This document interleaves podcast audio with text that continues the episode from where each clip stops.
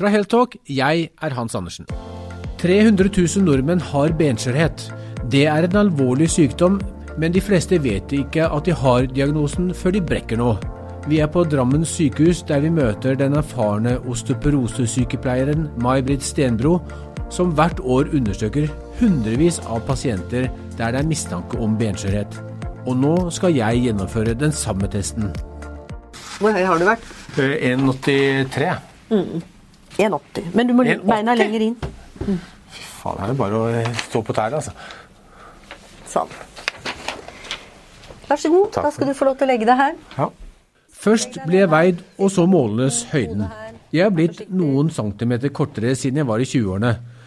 Så legger jeg meg inn i Dexa-maskinen, som skal måle bentettheten.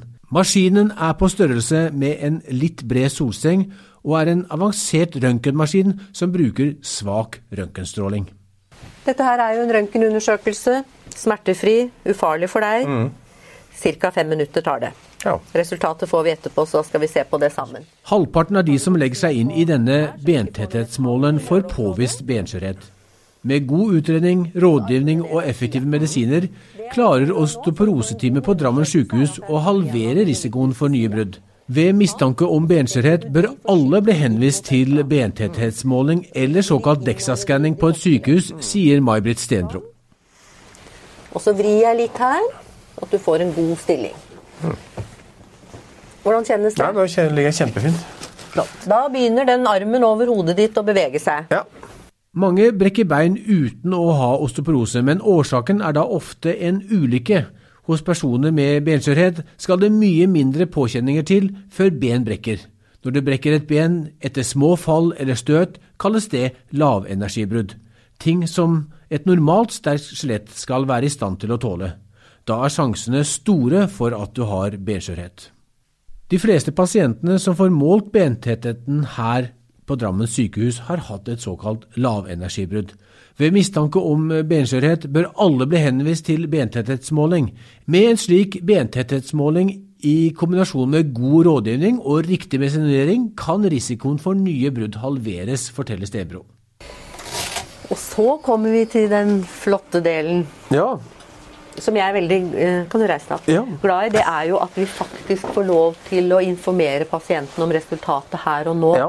Så slipper de å vente flere måneder eh, eller Så jeg kan få vite hva Ja.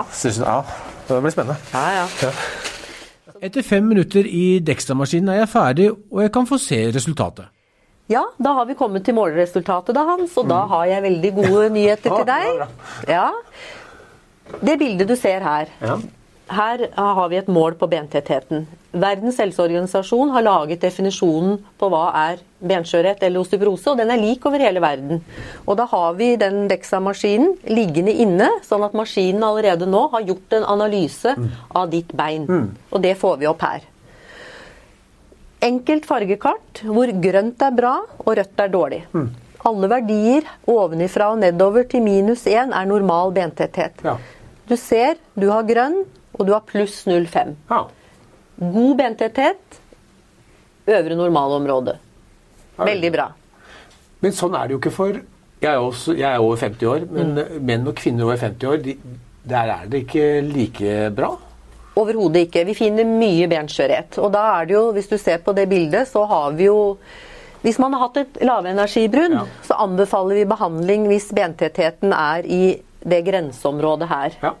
Hvis man ikke har hatt et lavenergibrudd, så anbefaler man behandling eh, ved eh, verdi under minus 2,5 Ja. og eventuelt risikofaktorer. Akkurat. Så der gjør vi igjen individuelle vurderinger. Så det, så det er sånn, Hvis jeg hadde hatt et eh, lavenergibrudd, falt fra egen høyde, så, eh, og hadde hatt eh, lav benmasse, så ville du satt i gang behandling. Da ville vi anbefalt medisiner for å styrke skjelettet. Men, men du tar jo også mot mange pasienter som ikke har hatt et eh, fall og, en, mm. og et brudd. Og da, hvis jeg da hadde vært i gul sone, så ville du også satt i gang behandling. Hos noen, f.eks. hvis du hadde brukt kortisonbehandling, så starter vi med forebyggende medisin på et tidligere tidspunkt, ja. Hvor mange nordmenn er det som har eh, benskjørhet? Vi ligger vel på rundt 300 000. Eh, det tallet er jo for så vidt ganske stabilt. Eh, men det er klart vi kommer til å bli flere eldre her i landet. Det er jo en eldre tsunami kanskje i anmarsj. Og vi, vi trenger å ha fokus på å forebygge brudd. Helt klart. Og det er det for dårlig fokus på etter din mening i dag? Ja, det er det ingen tvil om. Det er jo, vi mangler jo helt eh, retningslinjer som vi alle i hele landet kan gå etter. Og selv om det er en del eh, bentetthetsmålere rundt omkring i landet, så syns jo jeg personlig at det burde man hatt på hvert sykehus.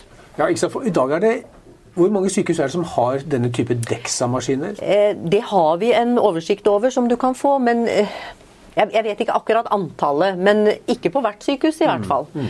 Og noen maskiner trenger jo også å skiftes ut, mm. naturlig nok. Når de blir eh, rundt ti år, så er jo teknologien sånn at man mm. bør ha nytt, nyere utstyr. Fastlegene er jo en viktig eh, eh, milepæl for å, å, hjelpe til eh, for å få Absolutt. diagnostisert dette. Altså, mm.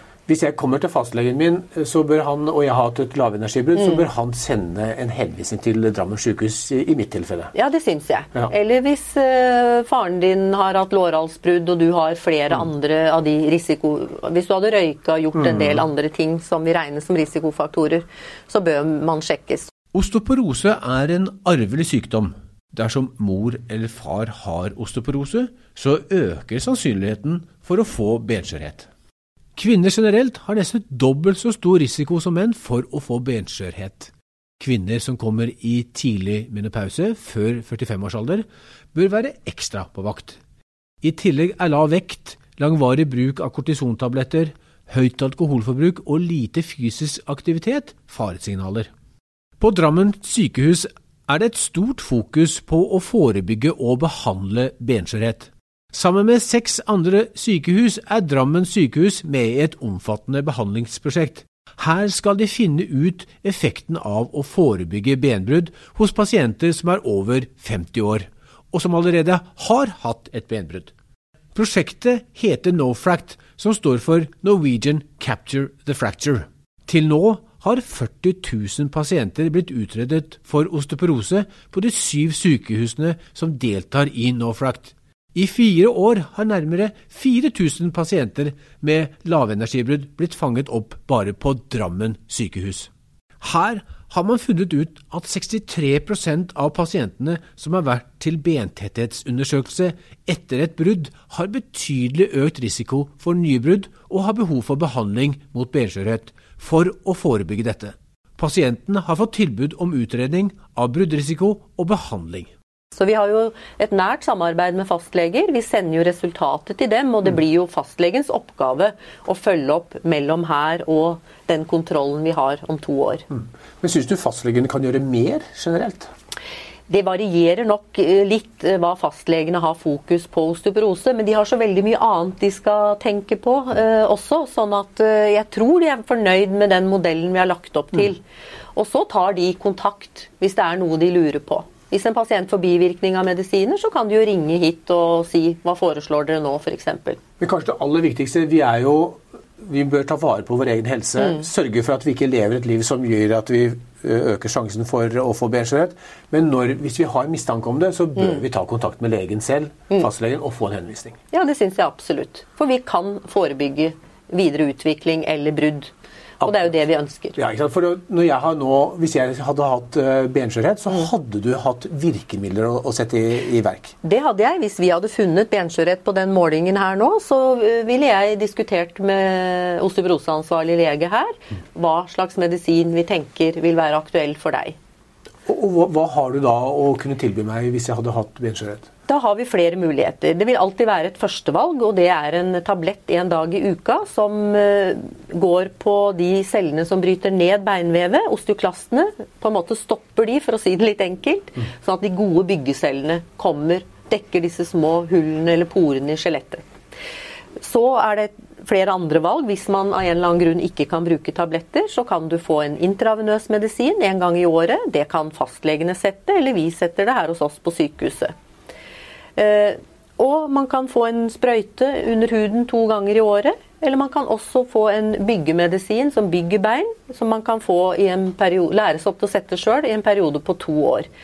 Det aller viktigste, fordi vi er ute etter virkning, og ikke bivirkning. Det er jo oppfølging. Hvordan virker medisinen? Tar du medisinen? Har du bivirkninger? Så kan vi endre underveis før de kommer til kontroll. Får nok nordmenn som har benskjørhet, den hjelpen som du nå beskriver? Nei, ikke etter det jeg hører. Jeg tror det er en del forskjeller rundt omkring i landet i forhold til hva vi har av tilbud.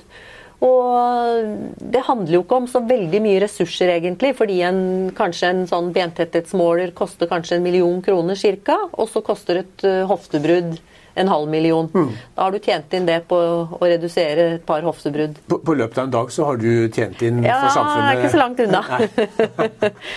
ja. Men du, retningslinjer, retningslinjene, det er de faglige retningslinjene som lages av Helsedirektoratet, mm. og som deles med alle sykehus, alle sykepleiere og alle leger som er relevante. Mm. De er helt tilbake til 2005. Mm. 14 år. 14 år. Mm. Og det er som i medisin generelt, det skjer jo en stor utvikling. Skjedd mye siden 2004, ja. eller 2005. Mm. Og er det behov for å oppdatere disse retningslinjene? Absolutt, og det er jo noe vi i fagmiljøet veldig gjerne vil. Vi vil jo gjerne komme i kontakt med de som sitter og bestemmer mm. over helsa vår. Ja. Og få lov til å snakke om benskjørhet og bruddforebygging. May-Britt Stenbro mener det satses altfor lite på forebygging og behandling av benskjørhet i Norge. Dette er et område som trenger politisk fokus og handling. Ja, absolutt.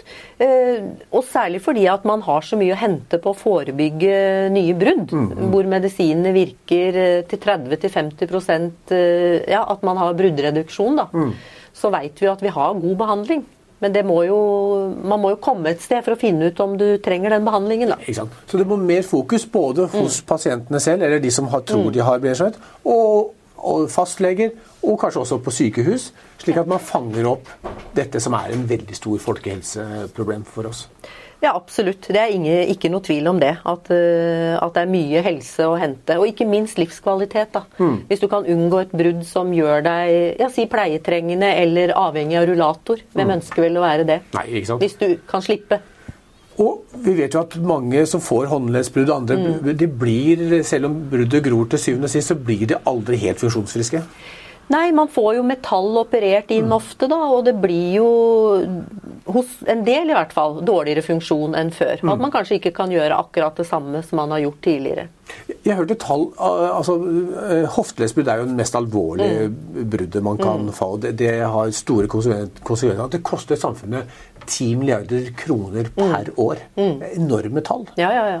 Øh, det er ganske lite som skal til egentlig da, for å forebygge dette. Ja, det er jo det egentlig det NoFrac-prosjektet har handla om. da. Ja. Prøve å vise hvor, kan, hvor, mange brudd kan vi redusere, og hva slags kostnadseffektivitet ligger det i det. For mm. kanskje mm. noen tall ja. faktisk kan hjelpe til. da. Ja. Men anbefalinger og retningslinjer finnes. Det har fagmiljøene allerede laget. Så det kan vi bare levere som en gavepakke. Mm. Det er ikke mye jobb som skal til for å oppdatere de anbefalingene fra 2005. Dette er jo god både folkehelsepolitikk og eldrepolitikk. Og kanskje kunne også eh, Bjørn Gullvåg, helsedirektøren, eh, kanskje han tar seg tid til å lytte gjennom denne podkasten og sette i verk tiltak som gjør at de faglige retningslinjene nå blir oppdatert? Det håper jeg veldig, og veldig velkommen hit i hvert fall. Veldig bra. Du, Det var veldig hyggelig å treffe deg. Og jeg ble jo ekstra glad for at jeg hadde så bra bein. Ja, da er du trygg i denne måneden vi er inne i nå, vet du, med mye glatt føre. Ja, det er veldig bra. Da, men jeg skal likevel ta på meg piggskoa, og så skal jeg i anbefaler vi. Ja. Det anbefaler vi. Takk for praten. Ok, takk i like måte. Ha det bra. Det var alt fra Helttalk. Vi høres igjen neste uke.